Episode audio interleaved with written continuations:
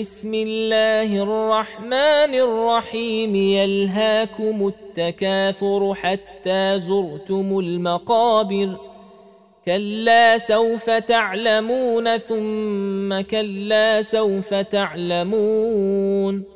كلا لو تعلمون علم اليقين.